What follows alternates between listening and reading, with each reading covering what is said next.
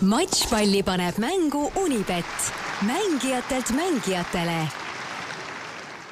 tere, kallid tennissõbrad. matšpalli podcast jätkab äh, huvitavate inimeste intervjueerimist, kes äh, antud hetkel või siis äh, kunagi minevikus on Eesti tennises väga suurt rolli mänginud. meie tänaseks külaliseks olgu öeldud, et minu nimi on Gunnar Leheste ja minu kaassaatejuht on endiselt Riho Kallus. tere! Meie tänaseks külaliseks on endine Tenniseliidu president, praegu kogu Eesti sporti juhtiv äh, Urmas Sõõrumaa, tervist! tere, tere! Äh, kui palju tänapäeval mängite tennist? Äh, üldsegi vähe, lihtsalt austusest selle ilusa ala vastu, et et tennis on natuke teistmoodi liikumine ja ma liigun praegult rohkem edasi ja tagasi, aga kui peab külje peale samme tegema, et siis lihtsalt on üsna kerge vigastus tekkim-, tekkima ja sellepärast, aga noh, suvel kindlasti võtan reketi kätte ja mõne paarismängu nagu tühja koha täidan ära. millal viimane matš oli? Eh, jah, vaata seda ma ei mäletagi, aga tennist ma tuletan eh, meelde peaaegu iga päev, iga päev märkan seda. Ja kui ma nüüd hakkasin seda taksoteemat tegema ja, ja siis tegin seda nende tokenite baasil ehk iga, iga klient saab olla ja iga partner saab olla tegelikult väga väike osaline. Ja kui ma peaks kirjeldama, et noh, et mis see, mis see siis noh, kas see siis läheb korda või ei lähe mingi väike asi, siis väiksed asjad lähevad elus väga korda. Ja kes on tennist mänginud, teavad väga häed, väga hästi, et sa oled äh, kolmekümne kraadise palavusega kolm setti mänginud, rohkem nagu ei jaksa, siis ütleb sinu äh, vastasmängija, et kuule, aga teeme nüüd ühe veel ja paneme sokid vahele.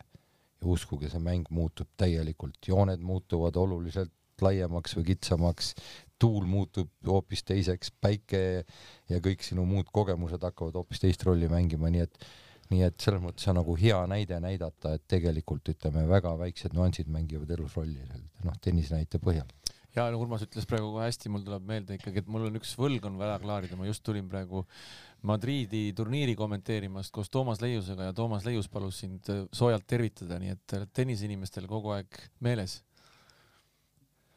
jah, ja ütleme, et äh, tennis on minu jaoks olnud ka viimastel päevadel jälle kuidagi huviorbiidis, sest minu paarismängupartner Boris Becker Eh, kunagine pandi, tuli välja, et pannakse kinni. kus sa taga mängisid paari?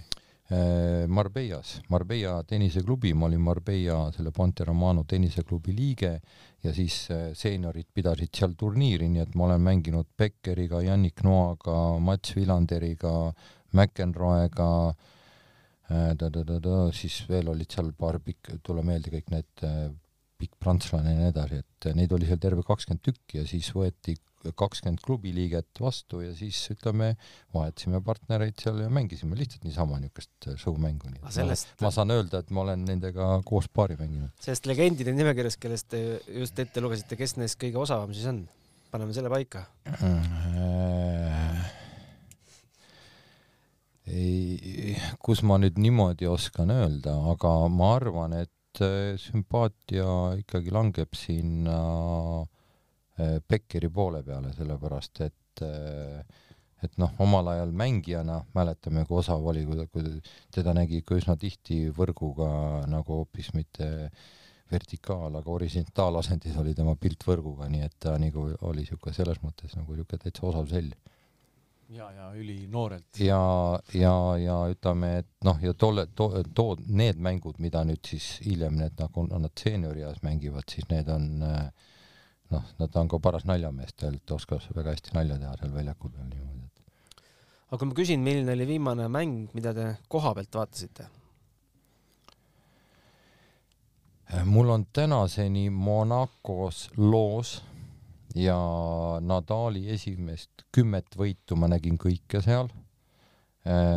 kõige, üks kõige, noh, ütleme, mul on üldse olnud nagu õnn olla nagu tennises sellise äh, sellise sündmuste jada lähedal, et äh, kui Na-, Nadal võitis äh, siis äh, Davis Cupi matšis, siis kohtusid Ameerika ja, ja, ja siis Hispaania Sevillas. Nadal oli seitsmeteistaastane ja viiendas otsustavas mängus pandi talle Roddik vastu. Ja see, kuidas ta Roddikut lollitas, see oli nagu ütleme hämmastav, jah, see kestis küll vist peaaegu vist isegi viis, viis setti, aga no Roddik ei saanud minu meelest al-, lõpuni aru, et Nadal mängib, mängib nagu teise käega või nagu ründab üldse teisele poole ja miks see kõik nii on ja nii edasi, et ja peale seda kõiki neid järgmiseid võite ja kümme tükki järjest näiteks seal äh, Monacos, et olin alati ise kohal ja põhimõtteliselt üks põhjus ka, miks ma selle loosi endale soetasin sinna. aga see aasta Monaco turniiril käisite ka siis? nüüd ma ei ole seal ikka kolm-neli-viis aastat käinud, aga, aga, aga loosi hoiab äh, soojana minu hea tuttav äh, Rain Lõhmus. aga viimane matš mäletan, kus mina teid äh, nägin tribüünil, oli ikkagi Tokyo. Anett Kontaveidi matš Sakariga. jah, jah, jah, jah, ikka ei, ma olen ikkagi vaadanud, et äh, noh, mul tuleb siin jah, et, et minusuguse tasemega mängijal ei saagi aru, kas tennise juures on tähtsam olla nagu selliste nimetatud nimedega koos või või, äh, või mis see su parim saavutus, mul tuleb meelde siin Jaanus Ootsa ütlus, et tema parim saavutus tennises on see, et oli Wimbledonis kuningannaga samas loosis. Saavutus tennises. Aga, aga ma, ma siinjuures ise ütlen, et äh, mina olen Wimbledonis äh,, see oli siis ka vist kaks tuhat, äh, kaks tuhat kaksteist vist olümpiamängud olid seal Londoni mhm. olümpiamängudel, nii et istusin üle vahekäigu Bill Gates, Bill Gatesiga näiteks ütleme, et niisugune vahekäik mingi poolteist meetrit ja lugesin, vaatasin, mida ta seal loeb ja mis ta teeb. kuidas tennis teie juurde jõudis või kuidas teie te üldse tennise juurde jõudsite, noh, teada-tuntud fakt on, et kõigepealt alustasite spordi tegemist karate juurest, aga kuidas, kuidas see tennisereket pihku sattus? no nii nagu ikka hamburile kohane, vaja ikka tõestada kellelegi midagi. no nii, nii õppisin ma tantsima, nii õppisin igasuguseid muid asju tegema ja ja konkreetselt oli põhjus väga lihtne. Raimo Kägu, tollel ajal juba täitsa niisugune edasijõudnud vana Pirita purjespordikeskuses, kutsus siis minusuguseid hakkajaid ärimehi sinna kokku, oli politseiauto ajanud sinna saali nurka, seal olid tollel ajal väljakud, kes mäletab, sinna, sinna halli nurka ja, ja siis mõõdeti servikiirust ja sada kakskümmend üheksa kilomeetrit tunnis pidi sisse ka veel lööma võttis siis Raimo kägu ja mina läksin Raimo juurde ja küsisin, et kuule, et Raimo, et ei tea, kui palju peaks harjutama, et nii hästi hakata mängima, nagu sina mängid. siis Raimo ütles, et mitte kunagi, sa ei hakka nii hästi mängima. siis ma ütlesin Raimole, et äh, viie aasta pärast ma teen sulle pähe. no ja ma arvan, et läks mingi kolm-neli aastat mööda, ta ei saanud minu käest geimigi. nii et ütleme, et ma, ma mul on komme asju lihtsalt nii tõsiselt võtta. aga sa tegid siis nii kõvasti trenni, olid sul siis eratreenerid ja ma mäletan, Jaak Kissak vist oli, kes sinuga palju, no, palju mängis või? Jaak Kissak on mind jah, tegelikult on mulle ühe, ühed, ühed meeldejäävamad mõtteterad andnud, aga aga nii sinu poolt nimetatud Toomas Leiusega eh, ja, ja siis eh, Peeter Lambiga ja, ja ütleme paljudega olen harjutanud, nii et kui ma ikka äh, noh, neid päevi ei olnud mitte vähe, kui ma käisin kaks korda päevas trenni tegemas. turniiridel olete ka kibe käsi olnud? noh, mis ma ikka olen, eks ma mõningatest liigamängudest võtsin osa, aga mulle meeldib paarismäng, et seal on ju, tennisemängijad ju teavad, mis on paarismängu kõige, kõige targem tegu ju üldse, mis paarismängus teha saab, on partneri valik ikka. Püüdes kuidagi jõuda sinnani, et, et kuidas te Eesti spordi jaoks oluliseks isikuks saite, siis eh, milline oli esimene sporditoetus, mida te tegite, mis mälestused sellega? oi, see on äge sündmus, ma olen elus ühe korra võitnud auto loosiga ja see oli niimoodi, et see oli mingi üheksakümnendate niisuguse alguse poole või kuskil keskel. Oli Sakus eh, või Männiku karjääris oli, oli siis kross, väike kross. Äh, väiksed poisid sõitsid ja igasuguseid toetajaid oli seal, mina toetasin ka seda siis võimaluste piires ja toetajate vahel loositi välja Kiia auto, väike Kiia auto. ja siis purgi sees oli seal hulk numbreid äh, ja siis oli niimoodi, et väikeste poiste, need olid mingi, ma arvan, et mingi kümne-üheteistaastased poisid sõitsid äh, seal ja siis neid oli rajal umbes kolmkümmend, ma ei tea, kaks, aga toetajaid oli seal võib-olla kuskil kaksteist, kolmteist sellist toetajat, igaüks võttis sealt numbri, et kelle võetud number esimesena lõpetab, see saab selle autovõtmed. ja, ja mina võtsin siis äh, minu arust, kas oli number kolme või näiteks, võtsin number kolme ja, või tähendab minu number või see, see number, mille mina võtsin, äh, sõitis siis äh, teisel kohal ja temast ees, eespool sõitis, noh siis viimastel ringidel sõitis seal teisel kohal ja temast eespool sõitis siis temast peaaegu pikem poiss ja noh, šanssi polnud, et aa, ei, tegelikult äh, minu oma sõitis kolmandal kohal, sest esimest numbrit ei võetud üldse väljagi, seda numbrit, kes nagu võitis. ja teisel kohal sõitis siis üks niisugune pikk tugev poiss ja kolmandal kohal üks pisikene poiss sõitis kolmandal kohal ja viimases kurbis umbes seal seitse-kaheksakümmend meetrit ennem lõppu oli üks niisugune sügav niisugune sisse sõidetud kraav ja tagasipööre ja see suur poiss seal koperdas ja minu väike number läks mööda ja popsti oli esimene, noh, sest noh, esimene lõpetanud nendest välja võetud numbritest ja mulle anti selle Kiia võtmed. ja siis ma ei osanud sellega midagi muud teha, kui äh, tegelikult see väike poiss oli siis Äh, kas ta oli Heedik Kuusk Sakust, üks äh, noh, kuused äh, tuntud, tuntud sõitjad. ma läksin selle väikse poisi lihtsalt, kui ta oli autasustamine, siis ma küsisin, palju see Kiia maksab, oli sada kolmkümmend tuhat krooni tollel ajal. Läksin selle, selle poisi juurde, ütlesin, et näed, pool on sinu, noh, kuna et noh, sinu, tänu sinule ma võitsin siis poiss sõitis mitu aastat äh, ringi suure bussi, bussi külje peal või valge bussi külje peal oli, et minu esimene sponsor ja siis oli minu logo ja pilt kuhu see Heidik Kuusk jõudis motospordis no,? Äh, Eestist võitis ta kindlasti medaleid üksjagu, ma nüüd täpselt rahvusvahelist äh, taset ei, ei tea, aga see, no see tähendab siis, et sinu esimene sponsoreerimine lõppes kasumiga, jah? jah aga milline oli esimene alaliit, kes teid enda juurde kutsus? Äh, võrkpall.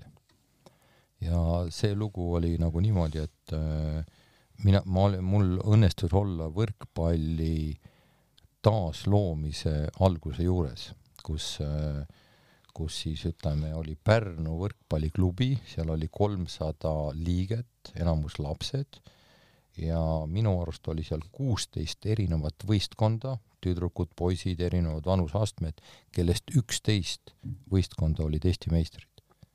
no ja mida sa veel tahad, siis võtsime, võtsin need enda nagu sponsorluse alla ja sealt tulid kõik need eh, Nõmsalud, Toobalid, kes minu arust kas üheksakümne kaheksandal aastal siis kuskil Bangkoki juunioride kuskil MM-il seal saavutasid hea koha ja nii edasi. et ja, ja no siis kuidagiviisi sattus äh, sattus siis äh, ma ei tea, kumb ennem, kas see Aavo keel vist tõenäoliselt ja, ja siis oli Margus Niinemäe või Niinepuu või mm? -hmm. oli, ma mäletan, et oli esimene selline, kellega ma siis istusin vastumisi ja kauplesin selle üle, et noh, okei okay,, et tule sealt Soomest tagasi, tule siia mängima. et, äh, et ja siis, et palju sa seal teenid, et noh, umbes mingi viisteist 15 äh, tuhat krooni vist kuus või midagi, siis ma ütlesin, et kuule, et aga sa kulutad selle seal enamus ju ära ka ja ütlesin, ma maksan sulle sama palju, tule, tule siia. mõtles natuke, ütles okei okay.. tuli ja siis tulid järgmised ja siis tuli järgmised ja siis tõime juba, mäletan, kuidas me tõime selle vanameistri Vilde, maailma üks paremaid eh, siis blokeerijaid, tõime selle sinna noorte poiste sekka ja ja kuidas poisid algul äh, kui Vilde tuli seal pool tundi ennem äh, sooja tegema ja pärast pool tundi ennem ennast seal painutas ja väenas, poisid käisid mööda, muigasid, vaatasid.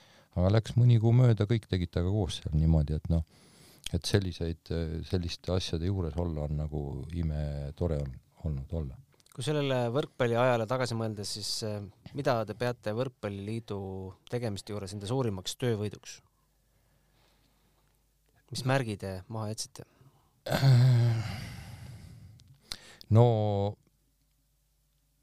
mm, ütleme ausalt äh,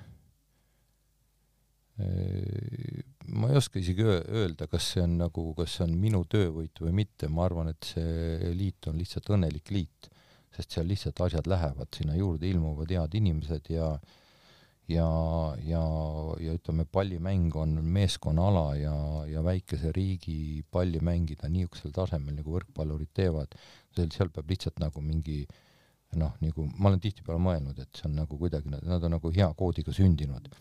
sest sinna juurde ilmuvad sellised inimesed nagu noh, mõnes mõttes on ka minu osalusel meelitatud sinna nüüd juba kadunud Aadu Luukas näiteks mul oli hea Aadu Lukasega ju neid mänge mängida, sest ma nagu jagasin sporti rohkem kui tema.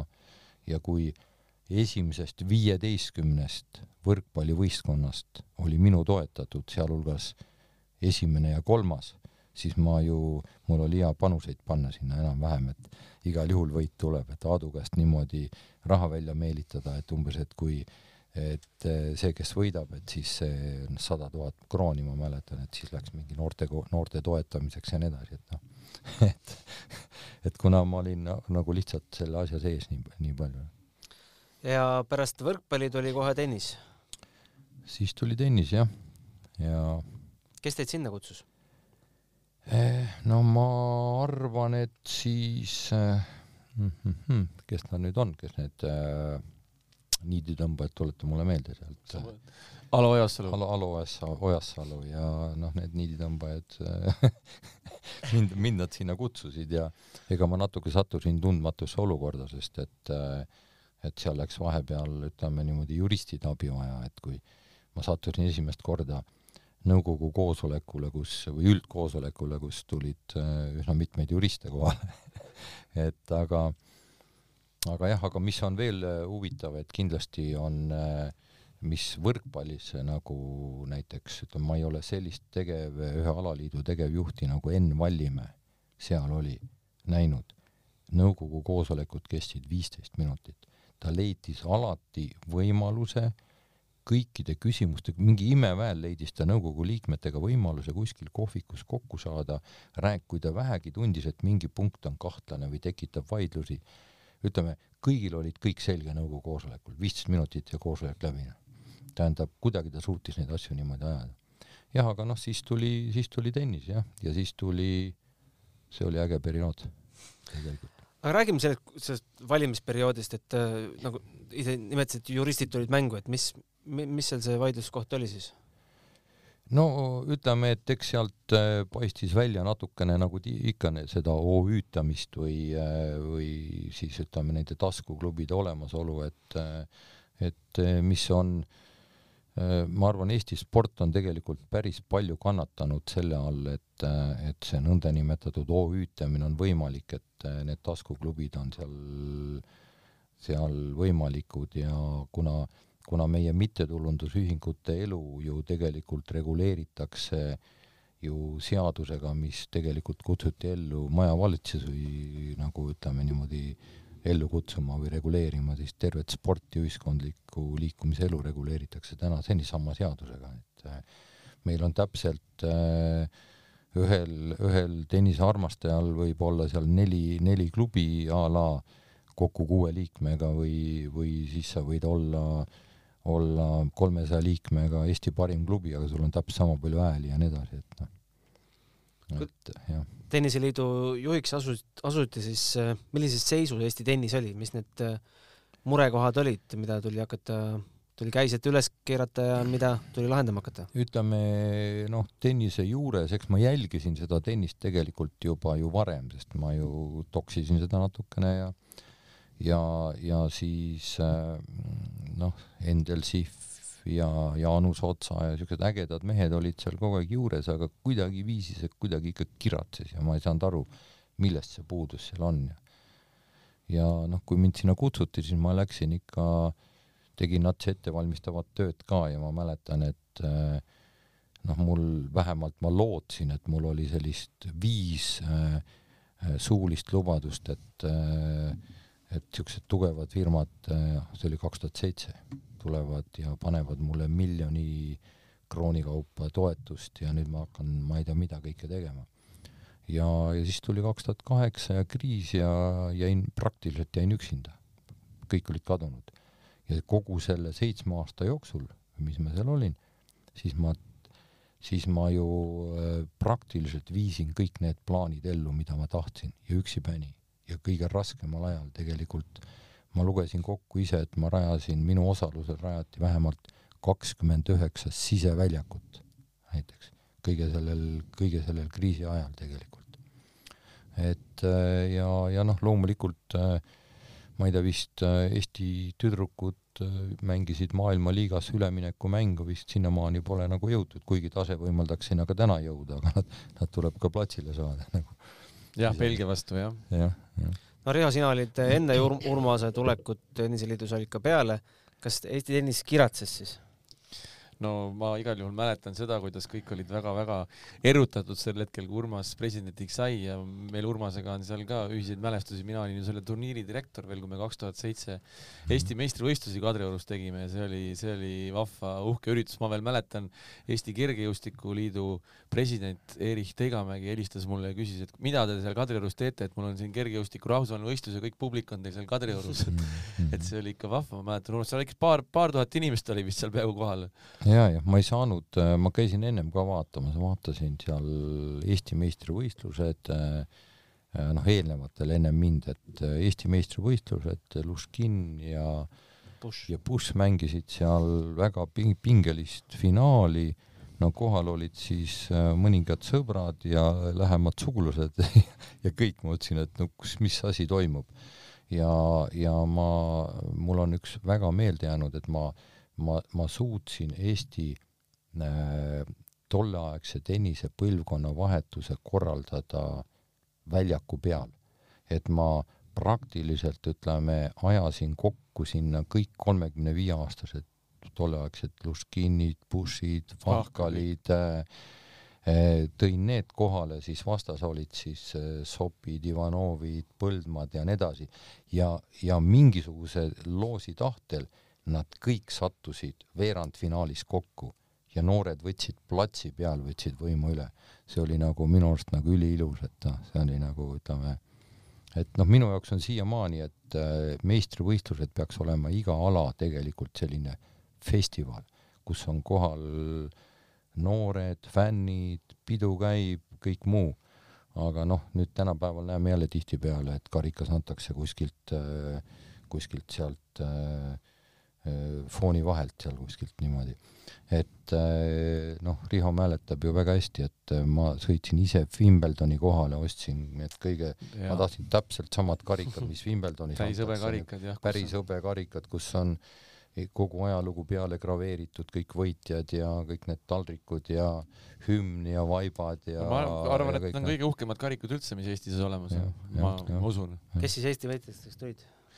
No see olid, need olid ju väga huvitavad finaalid, ma arvan, et Tani, Kaia Kanepi oli üks finaal, aga no Põldmaa ja ja Tsopi finaal oli väga põnev, Tsop oli seal kaks-null settidega ja kolmandas veel breigiga peal ja lõpuks Põldmaa tuli meistriks. ja, ja see fantastilised on, finaalid olid seal. nii et see, see oli veel kord näide, et et see mees oleks võinud jõuda muidugi kaugele, sest et nupp oli tal hea otsas, et noh, ütleme täpselt samamoodi on Djokovic paar korda Nadali lollitanud kuskil, et kuskil, kuskil see, kuskil see neljanda seti puusa või põlvevigastus ja lonkamine on ühel hetkel võtab vastasel kümme protsenti motti maha ja ja, ja, ja siis on äkki viienda seti keskel nagu noor pull, et noh, siis, siis vastane ei suuda enam nagu aru saada, mis toimub.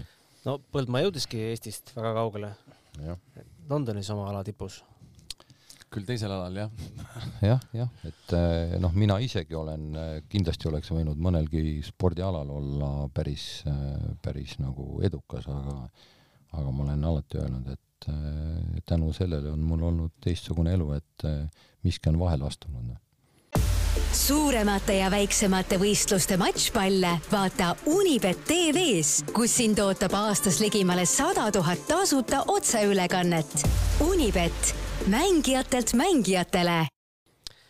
no minuga seostub äh, teie presidendi ajast ikkagi kaks suurt sammast. Äh, Tere Tennisekeskus ja Kennet Raismaa. räägime Kennet Raismaast, kuidas te leidsite kümneaastase poisi Tartust? ma tuleks isegi nats tahapoole, sest et äh, selle, selle lubaduse, minu, minu isiklik moto oli see, et kõik, kes lähevad tennises paremaks, need äh, siis läheb paremaks kogu Eesti tennis, kas need on seeniorid või on need siis äh, tipu poole. ja siis, kui me Audentesesse organiseerisime siis grupi, kus olid need Põldmad, Sopid ja Ivanovid ja Irdojad ja nii edasi, väikse grupi, ja, ja, ja vahepeal vedasime nad äh, Prahasse ja siis kuskile Hispaaniasse. kas see oli see SEB Tallink tiim või? ei, ei, ei, see oli ennem seda, see oli PLRT. PLRT see, oli enne seda, jah ja, ja ütleme, et, et ma suutsin seda gruppi vedada, kus tegelikult kasvas välja Sopp ja Ivanov ja nad siiamaani tegelikult ütleme, hoiavad äh, Eesti meistri. no alles mängisid Davis Cupi mõlemad. et, äh, et noh, see oli nagu selline, selline hea tunne, et sellest, sellest tegelikult, sellest koostegemisest tuli välja. aga noh, Kennet Raismaa, ma nägin ka jah, siukest niisugust ühte head andekat poissi, kes mängis väljakul, mis oli nats võib-olla lühem kui kui ette nähtud. kui ette nähtud ja siis mõtlesin, et mis sa seal ikka mütad, et sealt ei ole ju võimalik edasi minna, et tule Tallinna ja aga noh, kahjuks ei realiseerunud tema võimed mitmesugustel põhjustel ja ja üks, üks on mul niisugune eredalt meelde jäänud, et kui ma olin äsja vist mingi ma ei tea, umbes kolm päeva olnud äh, siis tenniseliidu president ja läksin Kadriorus, Kadriorgu noorte meistrivõistlusi vaatama ja ja vaatan sealt väljakult ja siis mingid poisid mängivad väiksed seal, ma ei tea, mingi üheteist, kaheteist aastased või mingid siuksed ja seal oli siis selgelt üks mees tead, ütleme, teine lööb sisse ja palli ja siis üks mees ütleb, et out. Noh, kuna sellel tasemel poisid seal kohtunikku ei olnud ise nad lugesid seal ja ja lõpuks seal teisel pisarad väljas ja nutab ja ja siis ma läksin, tõusin püsti ja see oli Anton Pavlov, ma ütlesin, et Anton, et noh, kuule lõpeta ära, et nalja teed, et vaata, noh, nii ei tehta, noh. ta vaatab mulle otsa ja ja kuidagi, kuidagi ütles mulle, et kas sa siuke oled, et sa ole üldse vait või midagi, midagi taolist ta mulle seal ütles, noh. Ja siis mul, siis see, see oli mulle ka tegelikult väga sümpaatne, sest et, et spordis peab niisugust kuraaži olema küll sa pärast saad neid nagu lihvida. vaata, aga kui sa spordis oled nagu selline, kui sa iga asjaga oled nõus ja ja lepid kõigega, no siis sa tõenäoliselt päris tippu ei jõua, et noh, tippu, tippu jõuavad ikkagi natuke niisugused, kellel niisugust kuraaži on ikkagi nats rohkem, kui silmad näevad ja kõrvad kuulevad no.. Kennetist veel rääkides, kui Kennet meil siin käis aasta või kaks tagasi, siis ta meenutas, et et äh, ta ju elas äh, päris pikalt isegi Tere tennisekeskuses, et. jah, me andsime talle seal toa ja, ja, ja siis ta tuli koos treeneriga ja Andres Kuhiga ja vahepeal noh, ma mäletan, noh, kui, kui, kui Kenneti need nagu need kõige need lootusandvamad aastad olid, mis ta siis oli, kolmteist, neliteist, vanus siuke noh. no ta on tennis Euroopa, Euroopa esimene oli noortes jah? jah, ja, ja see, kuidas ta endast äh, kaks aastat, noh, Hispaaniasse viisime, seal oli mingi Santana mingi kooli kaks aastat vanem kasvandik, kes oli siis aste, aste vanematest tulnud Hispaanias nagu kolmandaks meistrivõistlustel, kuidas Kennet seda suurt poissi lollitas, see oli nagu niisugune, lihtsalt sealt tuli välja see, et lihtsalt, et hispaanlased on ju nagu tuntud kummiseinad, et need jooksevad siis nagu väljakuga nagu lihtsalt niipidi siin taga. aga Kennet pani ta nagu niipidi jooksma, siis selle, see oli täitsa jube koos, sest ei teadnud, kuidas edasi-tagasi joosta, et niipidi joosta, seda nad oskavad kõik kas praegusest äh, Eesti noorte tennisepõlvkonnast on ka keegi, keda te toetate mm,? ei, ei toeta, elan kaasa ja vaatan, et et ikka, ikka midagi ikka kuskilt tuleb kuidas tundub praegune põlvkond? kui me võtame Aneti ja Kaia eest ära, kas meil, äh, mis te, tervis, äh, milline on Eesti tennise tervis siis tagapool? vot äh, võib-olla ma olen ebaõiglane, aga ega, ega ega nüüd ütleme, lajal on kuulda, loodetavasti sealt midagi tuleb, aga aga ütleme, et ega vist, vist väga nagu ei tea, noh, väga ei tule, noh. vaata tennises on äh, kunagi ma ju uurisin ja vaatasin ka ju, mis eeldus ja millal sa kus pead olema ja nii edasi, et et noh, tennises on ikka, kui sa, kui sa üheksateist, kahekümne aastaselt ei ole esikümnes, siis esinumbriks sul asja ei ole, lihtsalt põhimõtteliselt niimoodi, et äh, nüüd äh, noh, mõni üksik nagu, vaata, Anett on ka ikkagi suhteliselt hilja tõusma hakanud ja nii edasi, et tavaliselt tüdrukud teevad seda juba seitsmeteist, kaheksateist aastaselt, on seal äh, juba seal päris tipu lähedal, et kes tahavad esinumbriks saada. et äh, noh. Tere tennisekeskuse ehitamisega, millised on eredamad mälestused? sa ikka kasutad nüüd vale nime, nüüd on see Forus tennis no,. nüüd on Forus jah, oli pikalt oli Tere. pikalt oli jah. ja, ja, et vaata minu komme on nii, nagu ma teen Rotermanni, nii nagu ma tegin tennisekeskust, nii nagu ma neid kõiki muid asju teinud olen, ma nagu kipun nagu natuke nagu liiga hästi tegema. Et äh, ma ju kulutasin sama suure keskuse nagu Tallinki keskus näiteks äh, on seal Lasnamäel no vähemalt kolm-neli korda rohkem raha. lihtsalt ütleme, mul tualett peab olema nagu Swiss hotellis, spa umbes samasugune, valgust peab olema ikka vähemalt, ma ei tea, tuhat luksi, väljak peab olema selline, mis on nii noortele, vanadele, profidele, amatööridele äh, ja, ja põlved ei lähe seal esimese kümne aastaga läbi ja nii edasi, et et vaata ja, ja, ja ütleme, et noh, kõik need asjad on nagu ütleme, läksid väga kalliks maksma, nii et äh, nii et äh, noh, ma ütlen, et spordi alla ma olen ka üks kolmkümmend miljonit eurot äh, raha pannud, mis äh, ütleme, et ei tule kunagi tagasi, sest ega ega üks spordikeskus, kui ta äh, jõuab üleval pidada ainult oma selle haldamise seal, siis on nagu väga hästi. et ei pea peale maksma, see on, see on maksimum, mida Eesti spordirajatise haldamisel üldse saavutada saab. meenutage mulle, mis seal äh, Tondi tennisekeskuse asemel ennem oli? seal oli, seal kasarmud. oli, seal olid äh, sõjaväe. kasarmud, äh, sellised roiskunud tiigid, kus seest võisid leida nii koerte kui inimese konte, asotsiaalid elasid, tegid lõket, Eh, noh, ühesõnaga sihuke, siukene, niisugune noh, sihuke noh, halva kuulsusega ala. aga nüüd, nüüd on ta, ma arvan, et tast, tast saab üks mõnusamaid eh, kohti üldse nagu Tallinna linna suht-kohta keskel. kas oli variant, et see tennisekeskus tuleb ka kuskile mujale Tallinnas? miskipärast, eh, eks ma ennem vist sattusin Audentesesse vist üle tee või jah, vist natsi ennem olin Audentes või kõigepealt ma tegin esimese kasarmu korda juba tuhat üheksasada üheksakümmend viis, mis on sealt üle tee, see Tammsaare kakskümmend viis aadress. siis ma sattusin oma Audentese kooli otsingul, sattusin Audentesesse, suuresti minu initsiatiivil rajatud siis koos Rain Lõhmuse ja Heldur Meeritsaga. Ja, ja siis, siis sattus sealt selline, selline plats mis tundus parasjagu sobilik spordiväljakuks seal kasarmute hoovis siis, mis nagu algul nagu tee peale välja ei paistnud ja ja siis hakkasin sinna sättima ja sättima ja nii ta tuligi. millisena te Tenniseliidu enda valitsemisaja lõppu mäletate, kui, kui Enbant hakkas tule, tulema ja niite tõmbama? mul oli nagu ütleme, et äh, lahkusin sealt hästi hea kerge tundega, sest et äh, sest et kippus tulema sinna pujanitsemine sisse. nimelt, nimelt seda, et äh, oota, kui sa tegeled laia pinnaga, minu põhimõte oli nii, et iga tennist mängiv inimene, mida lä-, äh, mida lähemal ta on tennisele, mida rohkem ta mängib, sealhulgas ka seeniorid ja lapsevanemad, seda laiem põhi tekib tennisele juurde. aga siis tuli Enn Pant oma initsiatiiviga ja äh, mis oli väga vajalik muidugi, aga hakkas korjama neid juba pead kergitanud nuppe ja tegi SEB Tallink tiimi.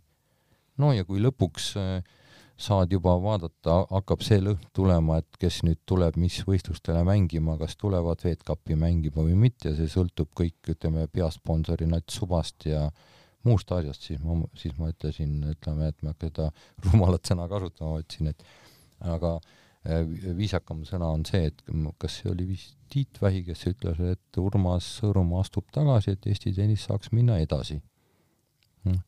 et äh, lihtsalt tegin niisuguse lükke, et noh, pole ju mõtet pujanitseda siin, ma, ma ju läksin sinna ju tegelikult, äh, kui inimesed tulid saali koos mingite juristidega, ma ütlesin, et noh, tead ausalt öeldes. ega, ja ma olen oma iseloomult ka tegelikult selline inimene, et mul äh, mul jätkub seda kirge ja võhma kuskil viis kuni seitse aastat, et noh, siis äh, kui siis midagi juhtunud ei ole, no siis tulgu tehku teised mehed. aga juhtus palju? no ütleme, et, ütleme, et palju-palju juhtus? olen ise rahul vähemalt.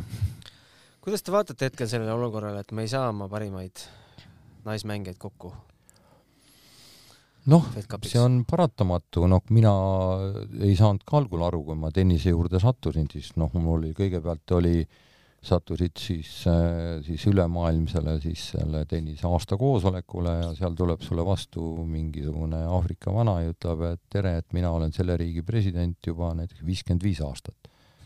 ma mõtlesin, et ohoh, kus see, kuidas see asi siis nii saab toimuda, et keegi on viiskümmend aastat, keegi on kolmkümmend aastat oma riigi eh, mingit tenniseelu juhtinud, et noh, et eh, kuidas see nagu nii on ja noh, see oli nagu üks niisugune arusaamatu asi. teine oli see, et ma ei mäleta ta nime, aga üks oota, sportlased on küllaltki, küllaltki sellised, kuidas nimetatakse, noh, ma ei tahaks isegi öelda, et ego on eluks väga normaalne asi, aga aga noh, see iseloomustavad egoistlikud, et noh, kui, kui ta ei oleks seda, siis ta ei saaks ka võib-olla neid tulemusi, ta ei lööks maailmas läbi.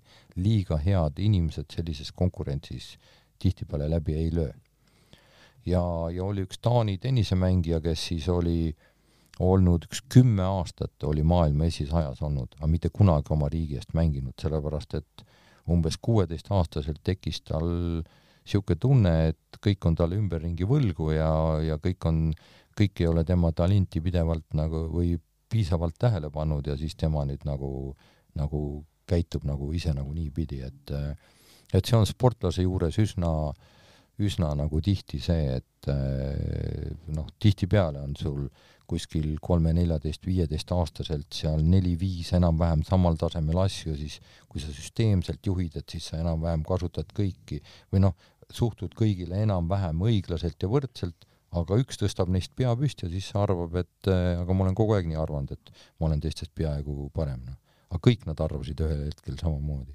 aga ühel õnnestus, no siis pärast äh, pärast, kuidas ta nüüd siis äh, suhtub kogu sellesse süsteemi. mis ma sellega nagu öelda tahan, et äh, et äh, läbilöövad spordiinimesed ongi tihtipeale keeruk-, keeruka iseloomuga. ja neid sõbralikult kokku saada, nii et ma arvan, Eestil on isegi hästi läinud, et nad on, nad on tulnud mängi-, mängima, sest et et noh, sportlastel on vahepeal ju vigastusi, see on üks põhjus, ja, ja nüüd ma saan aru, et kui meil on äh, meil on siin äh, praktiliselt kaks mängijat, kes ideaalse klapi puhul võiks ju olla ju täitsa vabalt ju esikaheksa hulgas maailmas, aga noh, see tähendab seda, et sa pead selle nõndanimetatud siis selle altpoolt tasemed ka kõik läbi mängima ja tulema ja nii edasi, aga see tähendab seda, et äh, seal teel võivad olla vigastusi, kõike muid asju ja siis sul jääb jälle mujalt jälle kuskilt midagi katki, et noh ja no, kõik, kõik need asjad. ma tahtsin siia lisada Urmase jutule, et ega see, see ei ole üldse Eesti probleem tennises, on see, kuna see tennise juhtimine on nii killustunud ka globaalses mõistes, on, on ATP, WTA, siis on ITF, nüüd on kõik Grand Slamid võtavad siin omaette sõna, noh, seesama teema ju siin ka venelaste ja Valgevene sportlastega, et, et ega neid tennisiste ka teistest riikidest ja tennisel on sama häda, siis on need Lever Cupid, Hopman Cupid, Davis Cupid, Fed Cupid, Billie Jean King Cupid, see on ka juba nii segaseks läinud, et, et ütleme nii, et seal on, seal on juba juure, juure tasandil väga palju probleeme kahjuks. mina, ma sain, kui mina olin president, siis ma sain väga hästi läbi äh, rahvusvahelise alaliidu juhtide ja niiditõmbajatega, Ritsi Bitiga ja nii edasi. et äh, ja vaadates seda, kuidas ITF äh, käib ja kaupleb omale mingeid aegu ja võimalusi ATP käest ja nii edasi, ma ütlesin, lõpetage ära nalja, tehke iseenda oma hakake ise oma punkte, värke, pärast tulevad rahad, värgid, kõik, tehke konkurent ITF-i baasil. no ei saanud nad siin sellega hakkama, kui oli liiga keeruline jutt neile. ma ei tea. noh, nüüd on kohe see teema siin Wimbledoniga ees, noh.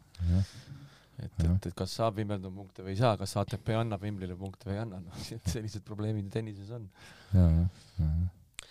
aga enne kui tuleme nende päevakajaliste teemade juurde, siis äh, kaks tuhat kuusteist sai teist äh, EOK president, noh, minu arvates äh, teist nii suurt valimissündmust Eesti spordist annab leida, et Jüri Ratasega üks hääl vist jäi lõpuks lahutama.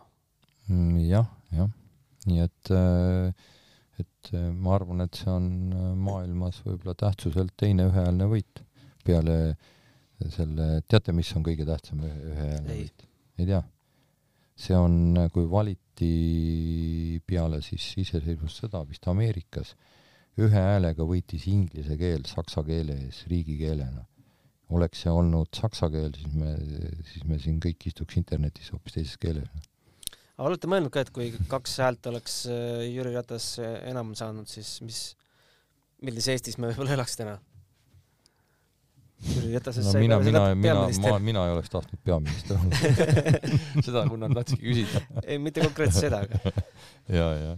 aga, aga kõik läks äh, täpselt nii nagu pidi, kõik läks täide, nii nagu ma Jüri Ratasele tollel ajal ütlesin ja ja see oli minu üks äh, parimaid ja ilusamaid show sid üldse nagu spordivaldkonnas, sest täieliku teadliku tegevusena ma sõitsin aasta lõpul ära teatasin omast arust kõigile alaliitudele, et ma kandideerin ja siis läksin sinna pimekoopasse ja see on palju räägitud lugu, tulen välja, hakkan siis meediat vaatama, niisugune show käib, kõik tulistavad kõikide olemas. kõik, kõik tahtsid, Hannes Võrno tahtis, siis tahtis ja, ja. Märt Sults tahtis.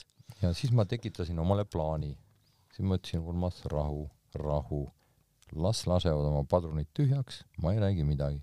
tulin tagasi ja äh, ja tekitasin ühe nädalaga sellise asja, et kui te nüüd vaatate neid kõiki neid kirjutusi siis takkajärgi, siis selleks ajaks, kui oli vaja saada viisteist toetuse häält, eelmise päeva õhtul käis siis jutt niimoodi, et Jüri Ratasel, no kuuskümmend üks häält on üldse võiduks vaja, Jüri Ratasel viiskümmend viis häält koos, Tõnu Tõnustel ka mingi kakskümmend seitse häält, Erki Noolel paar häält puudu, Sõõrumaast ei räägi mitte keegi mitte midagi aga mina, mina, kuna ma nägin unes, mida ma pidin tegema ja ma vajutasin õigetele nuppudele, ehk mina teadsin kogu seda infot, mida ei teadnud tollel ajal ei, ei kandideerijad ise ega ka ajakirjanikud, ma teadsin täpselt, palju mul on hääli. Ja minu käest kaubeldi õhtul, et andke Erki Noolele, anna veel Urmas paar häält, ta saaks ka vähemalt saaks nagu rivi sinna. ma teadsin täpselt, et Erki Noolel oli tegelikult kolm-neli häält, noh. aga jube tore on käia mööda sõpru ja öelda, et anna oma hääl mulle, mul üks hääl puudu. said ühe juurde, läksid järgmise juurde, anna oma hääl mulle, mul üks hääl puudu, noh. kuna need hääled ei olnud nagu nii tähtsad, sest need olid kvalifitseerumiseks vajalikud hääled. no siis tuli siis tuli järgmine hommik ja helistab mulle pool kaheksa Jüri Ratas, ma teadsin, et ta kardab minu konkurendiks saamist ja ütleb, et et äh, Urmas, palju õnne, kuskilt Kopenhaageni pennu, lennujaamast helistas, et äh, et ma olin saanud siis, ma ei tea, mingi ka vist kolmkümmend häält või midagi olin saanud nagu niimoodi, kus täitsa tühja koha pealt, nagu nende arvates.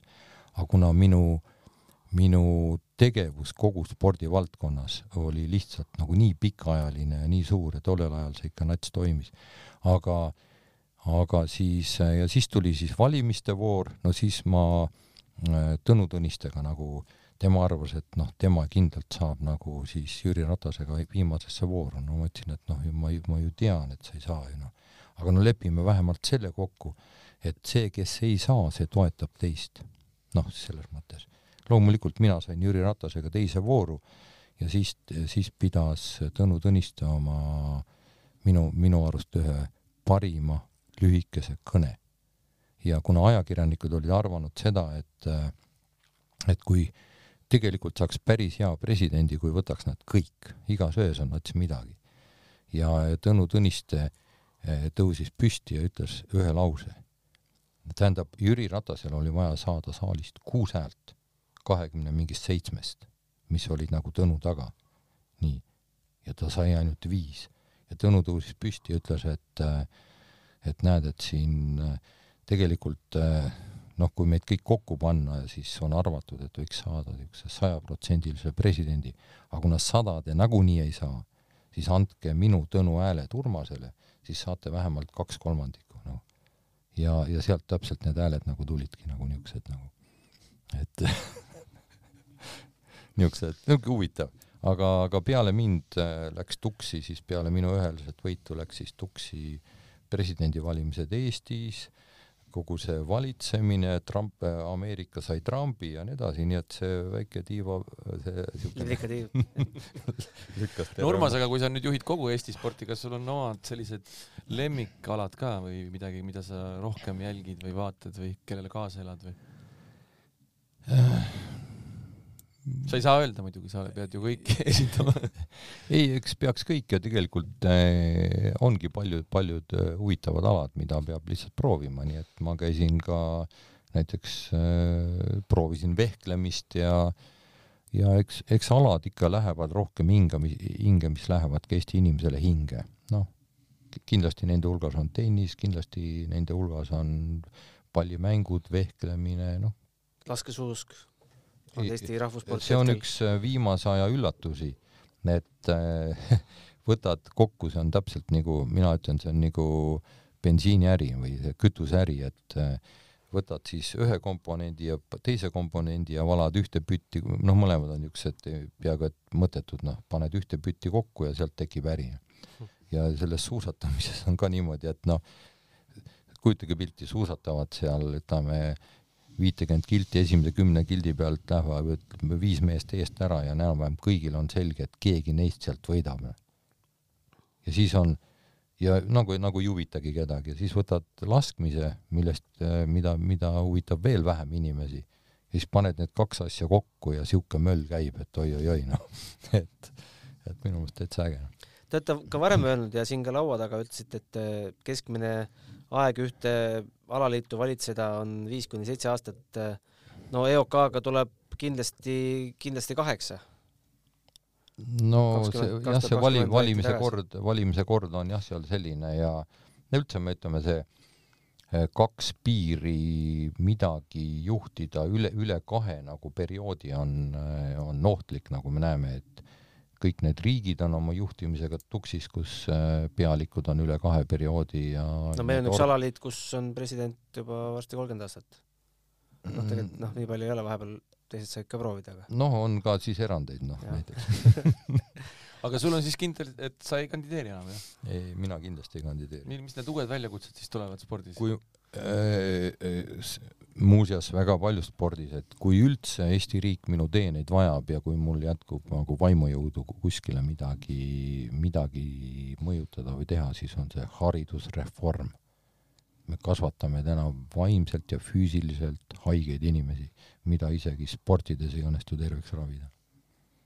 inimese elu, elukaarel on üks periood ja see on kooliaeg, kus saab öelda, et sa pead õppima selgeks võõrkeele, üldse pead kooli minema, pead kujundama need harjumused ja pead tegema neid. ülejäänud elu saad ainult plakateid kleepida, nende pealt lugeda. mingit äh, vormi sundida kedagi ei ole harjumusi õppima. no räägime ikkagi päevakajalistest teemadest ka, et äh, kolmandal märtsil tegite enda Facebooki lehel postituse, kus siis äh, te küll otseselt ei öelnud Eesti sportlastele, et Venemaa ja Valgevene sportlastega ei tohiks äh, maadelda, aga andsite sellise sõbraliku soovituse mm. -hmm. kuidas teile tundub, tennises on seda kerge või raske teha? seal ei ole üldse mingit raskust, noh, minu äh, mina, ma pean väga lugu nii Nadalist kui Djokovicist ja kui see lugupidamine kellelegi midagi maksab, siis äh, peale seda äh, vähemalt tänast pealkirja ma ei, ma ei lugenud küll sisu, et nad seal kuidagi olid nördinud, et Vene sportlasi kuskile ei lubata Wimbledoni ja nii edasi, siis ma ütlen, see on täis möga. kui ühed inimesed mingi agressorriigi tõttu peavad, kaotavad oma elusid istuvad varjendites ja ma ei tea, millise pinge all. ja nüüd selle ründavate riikide teised sportlased siis saavad kuskil lõbutseda ja võistelda ja niisuguseid asju teha, siis marss koju tagasi. ainukene, mis päästab sind, väga selge suhtumise väljendamine. kui sa teatad, et sa sellest, mida sa arvad, mõistad selle agressorriigi ja selle juhtimise hukka, see tähendab seda, et sa ei tohi, sa, sul ei ole ka võimalust selle riigi lipu all enam minema võistlema. kui seni, kuni seda tehtud ei ole, siis marss koju tagasi ja ole seal, sest äh, nii nagu ütleb ka noh mõningad targad raamatud ütlevad, et loevad ka nii tahtlikult kui ka tahtmatult tehtud teod, nii teadlikult kui ka teadmata tehtud teod. et äh, kui me ikkagi, kui kui meie hinges selle agressorriigi hümn äh, lööb hinge helisema, järelikult ma olen selle, selle niimoodi kaaskaaslane, praktiliselt nende otsuste kaaskaaslane. siin ei ole mingit varianti minu jaoks vähemalt, selge pilt ka. no Wimbledon vist ikkagi ei küsi seda allkirja agressorriigi hukkamõistmiseks, et kuidas Wimbledoni otsuseid te suht-, suhtute, et kõiki ühe vitsaga lüüa? mm, valgevenelasi ja venelasi. et ta neid ei luba sinna jah, täiesti tervitatav. Täi-, täiesti, täiesti tervitatav ja ma ei ole ka noh, jah, minu meelest täiesti tervitatav ja selles mõttes, et äh, mis, mis, mis on teised variandid siis, hakata mingit äh, pläma ajama, nagu terve Euroopa praegult ajab või? ühest küljest äh, noh, loeme siin ju a la Rumeenia ja ei saa ju tähendab Vene gaasita ja ja naftata siin kuidagi hakkama ja nii edasi. aga kui oma lähedasi, ütleme niimoodi piltlikult tapetakse, vägistatakse, küll siis hakkama saad. Kas sa pead siis seda ootama või, või suudad, suudad otsuseid teha siis mingil muul? jah, ma just mõtlesin Jah. selle jutu peale edasi, et noh, et kuna, kuna see nii-öelda pehme otsus on tulnud täna VTA-lt ja ATP-lt, Mm. siis äh, sa paned sellega ka ülikeerulisse olukorda kõik ülejäänud sportlased, et noh, kui siin on ka juttu olnud sellest, et noh, kas a la lähed mängima selle mängija vastu või mitte, et noh, ütleme piltlikult öeldes Kaial ja Anetil on ka võimalik valida, kas sa lähed mängima või sa paned oma karjääri pausile, põhimõtteliselt sul ei olegi muud varianti, et, et noh, siis tekib juba teistel mängijatel see nii-öelda keeruline olukord, et vaata, vaata selleks, et äh, noh, jah, ütleme, et äh, on, on ju niisugune mingi ütlemine, et et äh, noh, kui noh, süsteemid räägivad oma keelt ja kui, kui üksiksportlane hakkab oma keelt rääkima, et noh, öeldakse, et sa võid ju karule küll varba peale pissida, aga, aga noh, selleks peaks vähemalt elevant olema. põhimõtteliselt, et, et kui sa selle oma isikliku trotsi otsuse välja kannatad, kannad, et no siis sa võid ju seda mängida. noh, me ju ütleme, näeme, kuidas tegelikult äh, päris, päris äh, suur tõke, tõke tekitati ju Djokovic'i karjäärile nende igasuguste, ma ei tea, vaktsineerimissüsteemide või juttudega ja nii edasi. Samas me teame, et võib-olla kuu aja pärast ei huvita see enam kedagi, noh. käib või mask selja taga endas või ma ei tea, süstal kaasas ringi. et, et noh, vahest need saatusele tulevad sellised, et parem kui süsteemid võtaks vastu otsused, siis on nagu üksiksportlastel kergem. aga äkki kui üksik sportlane, no ütleme, et Anett võtab selle enda peale, esimesena loobub, siis loobub ka teine-kolmas, neljas. noh, ma ei tahaks selles spekulatsioonis kaasa rääkida, et las siis äh, jah, aga selge, märkamatult äh, on meil viiskümmend minutit äh, täis saanud jutuajamist, oli väga huvitav, läks väga kiirelt, nagu huvitavate vestlustega tavaliselt läheb äh,. suur tänu, Urmas, et te saite täna aega meie Parda tänava stuudiosse tulla. jäi midagi kripeldama, mida tahaks veel välja öelda? ei, et äh, tahan teile öelda aitäh, et hea lähedal oli tulla ja mulle lihtsalt tundus vist, et kuna teid oli kaks, aga enamus aega rääkisin mina ega. eks nii see nii peab see oligi nii mõeldud. Urmas, see oligi nii mõeldud. formaat ongi selline. ja igal juhul aitäh teile ja, ja ütleme, et palju edu Eesti spordi kajastamisel. palju edu Eesti spordi juhtimisel. aitäh. aitäh, Urmas. aitäh kuulamast ja järgmise korrani.